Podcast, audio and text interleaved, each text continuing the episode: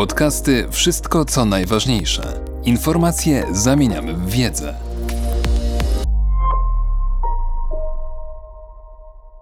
James A. Millward Xinjiang Chińska zbrodnia Polityka Chin wobec Xinjiangu jest katastrofą humanitarną przypominającą najgorsze przeszłe kolonialne znęcanie się nad rdzenną ludnością, jak również pogromy etniczne, holokaust i południowoafrykański apartheid, pisze profesor James A. Millward.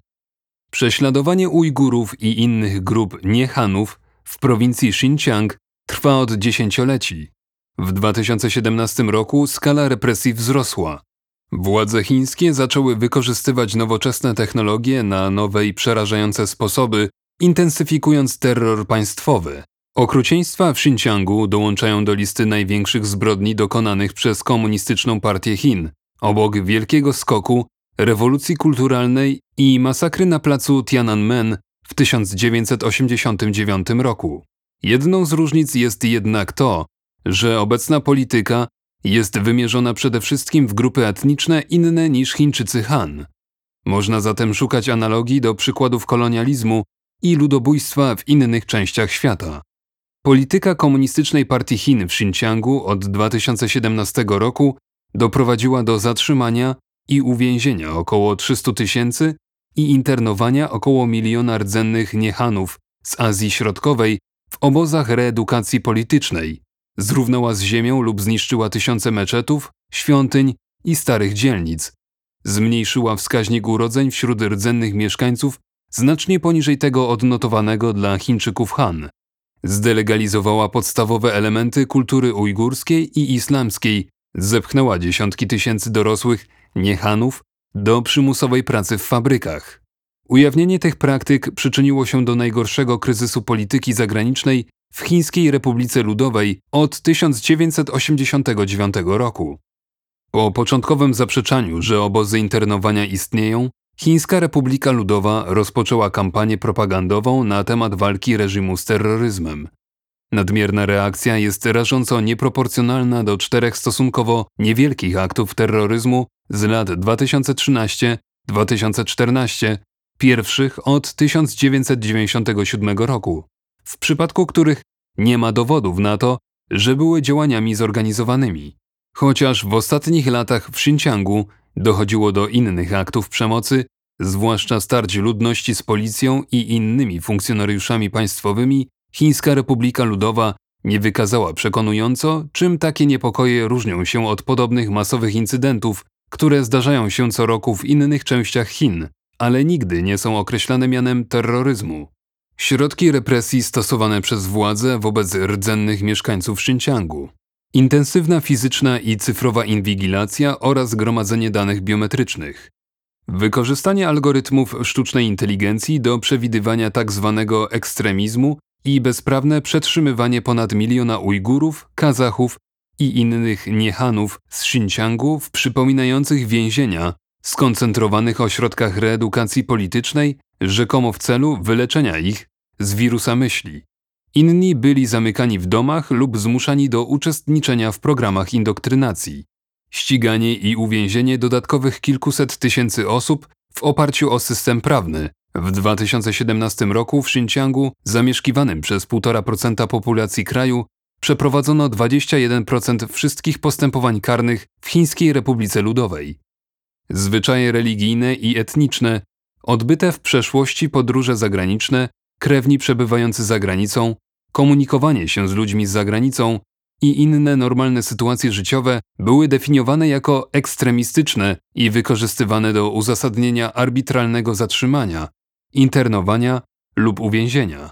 Pomimo twierdzeń Chińskiej Republiki Ludowej, że jej program internowania miał na celu edukację biednych rolników, którzy nie mówili po chińsku, to jednak wykształceni wielojęzyczni naukowcy, pisarze, artyści i przedsiębiorcy, wybitni przedstawiciele społeczeństwa niechanów, byli pierwszymi zatrzymanymi lub uwięzionymi bez podania przyczyny.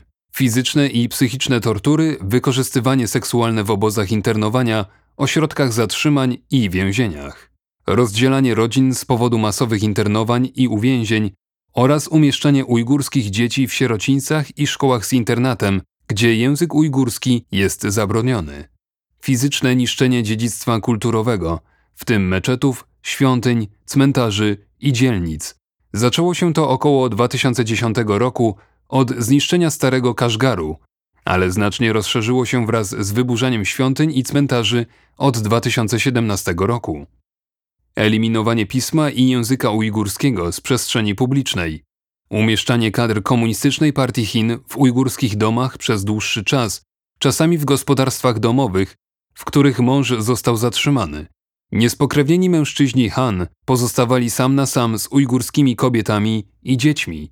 Zachęcanie przez państwo do zawierania małżeństw między Hanami a nie Hanami, zwłaszcza między ujgurskimi kobietami a mężczyznami Han. Nowe przepisy uznają sprzeciw rodziców wobec takich małżeństw za ekstremistyczny wraz z systemem obozów karzących niehanów za tzw. Tak ekstremizm. Stanowi to państwowy przymus dla niehanów do zawierania małżeństw z Hanami. Gorliwe tłumienie urodzeń skutkujące gwałtownym spadkiem przyrostu naturalnego w Xinjiangu w ciągu ostatnich kilku lat. Wskaźniki urodzeń na obszarach Xinjiangu zamieszkałych głównie przez niehanów spadły o 30% w latach 2018-2019, podczas gdy w całej Chińskiej Republice Ludowej tylko o 4,2%. Wskaźniki urodzeń w gęsto zaludnionych ujgurskich obszarach południowego Xinjiangu spadły o jeszcze wyższe wartości procentowe. Uniemożliwianie swobodnego przemieszczania się i komunikacji ludom nienależącym do Hanów oraz pozaterytorialny nadzór i groźby wobec Ujgurów i Kazachów w diasporze, w tym w Stanach Zjednoczonych, Unii Europejskiej, Turcji, Australii i innych krajach. Przymusowe przesiedlanie Ujgurów z ośrodków internowania lub miejsca zamieszkania do fabryk, czasami daleko od ich domów. W Xinjiangu i innych miejscach w Chinach ujgurscy pracownicy transferowi są często zamykani pod nadzorem wojskowym i odmawia się im swobodnego poruszania się poza terenem fabryki. Podobnie jak Związek Radziecki po 1917 roku, Chińska Republika Ludowa od 1949 roku była państwem socjalistycznym rządzącym byłym imperium. Dla zdeklarowanego przeciwnika imperializmu to dziedzictwo imperialnej różnorodności stanowiło problem zarówno praktyczny, jak i wizerunkowy. Jak rządzić imperium, by nie wyglądać jak kolonialista? W komunistycznych Chinach wdrożono więc zmodyfikowaną wersję radzieckiej polityki narodowościowej i oficjalnie uznano 56 grup etnicznych. Hanowie stali się grupą dominującą, pozostałe grupy państwo określiło jako mniejszości narodowe Shaoshu Minzu.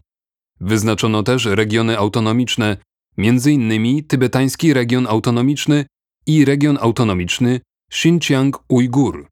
Każdy z nich był nominalnie samorządny i podlegał określonej grupie etnicznej. Możemy to nazwać reżimem różnorodności Chińskiej Republiki Ludowej, czyniącym z różnorodności tożsamości etnicznych podstawę administracji państwowej. Reżim ten wspierał język, edukację i kulturę każdej oficjalnie uznanej grupy, chronił grupy niehanów przed dyskryminacją i wymazywaniem kultury przez większość Han oraz zapewniał każdej grupie reprezentację w autorytarnym rządzie i partii. Grupy niehanów postrzegają lata 80. jako złoty wiek polityki różnorodności Chińskiej Republiki Ludowej. Kiedy Xi Jinping doszedł do władzy w 2013 roku, rozpoczął radykalną rewizję reżimu różnorodności w Chińskiej Republice Ludowej. Usunął z rządu biurokrację zajmującą się kwestiami etnicznymi i religijnymi i poddał ją bezpośredniej kontroli Komunistycznej Partii Chin. W 2014 roku ogłosił, że problemy w Xinjiangu będą wymagały zwrócenia uwagi nie tylko na sprawy materialne, to jest rozwój gospodarczy, ale również na kwestie psychologiczne, zapowiadając w ten sposób zastosowanie w Xinjiangu technik przymusowej indoktrynacji, które wcześniej Komunistyczna Partia Chin stosowała wobec prostytutek, narkomanów i wyznawców Falun Gong. Xi rozpoczął również kampanię sinicyzacji religii w Chinach. Rozpoczął się proces odchodzenia od zasady mówiącej, że Chiny są państwem wielonarodowym, składającym się z 56 odrębnych grup. Rząd Xi Jinpinga promuje koncepcję jednolitej, wszechogarniającej, homogenicznej tożsamości chińskiej, zwanej Zonghua. jako ideologicznego centrum ściśle związanego z jego chińskim marzeniem.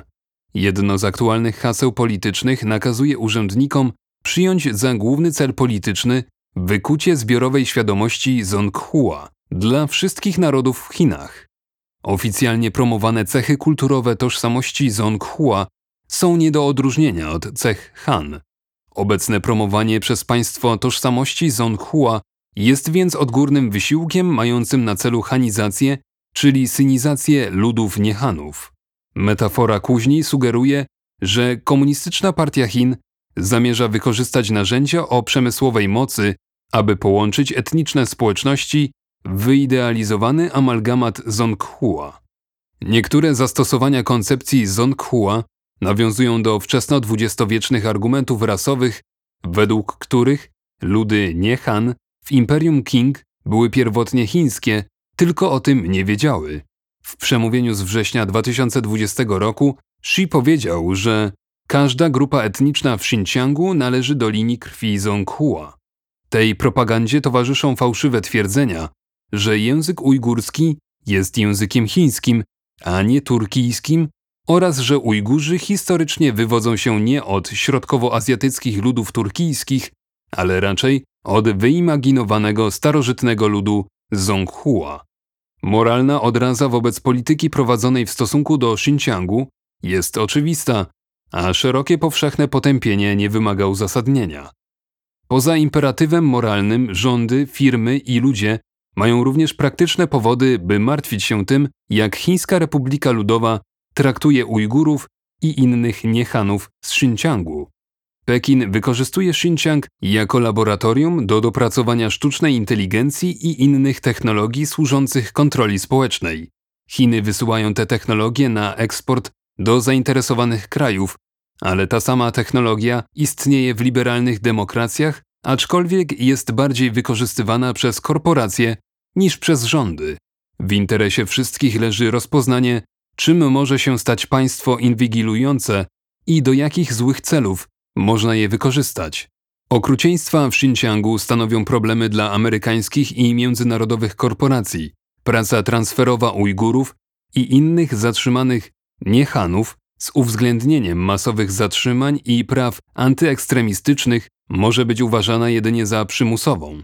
Stworzenie tej uległej, niskopłatnej etnicznej podklasy ma kluczowe znaczenie dla polityki gospodarczej Chińskiej Republiki Ludowej wobec Xinjiangu, a co więcej, obejmuje 19 prowincji i miast wschodnich Chin, które są upoważnione jako partnerzy do finansowania rozwoju Xinjiangu w ramach programu Pairing Assistance Program.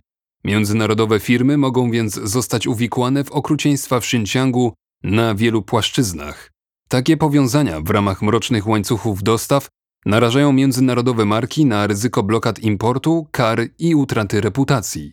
Rządy w międzynarodowych koalicjach mogą wprowadzić ukierunkowane sankcje, aby ukarać ekonomicznie i zawstydzić osoby oraz podmioty zaangażowane w ludobójstwo w Xinjiangu. Rządy mogą rozszerzyć swoją kontrolę poza sam Xinjiang, aby objąć nią 19 uczestników programu Pairing Assistance Program.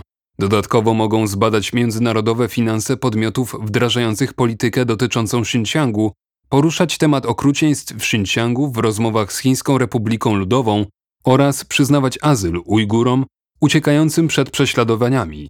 Korporacje powinny domagać się otwartego dostępu do swoich łańcuchów dostaw w Chinach i nieograniczonego audytu tych łańcuchów. Korporacje muszą również jasno dać do zrozumienia chińskim firmom i urzędnikom, że ewentualny współudział w represjach w Xinjiangu czyni ich interesy w Chinach niemożliwymi do prowadzenia.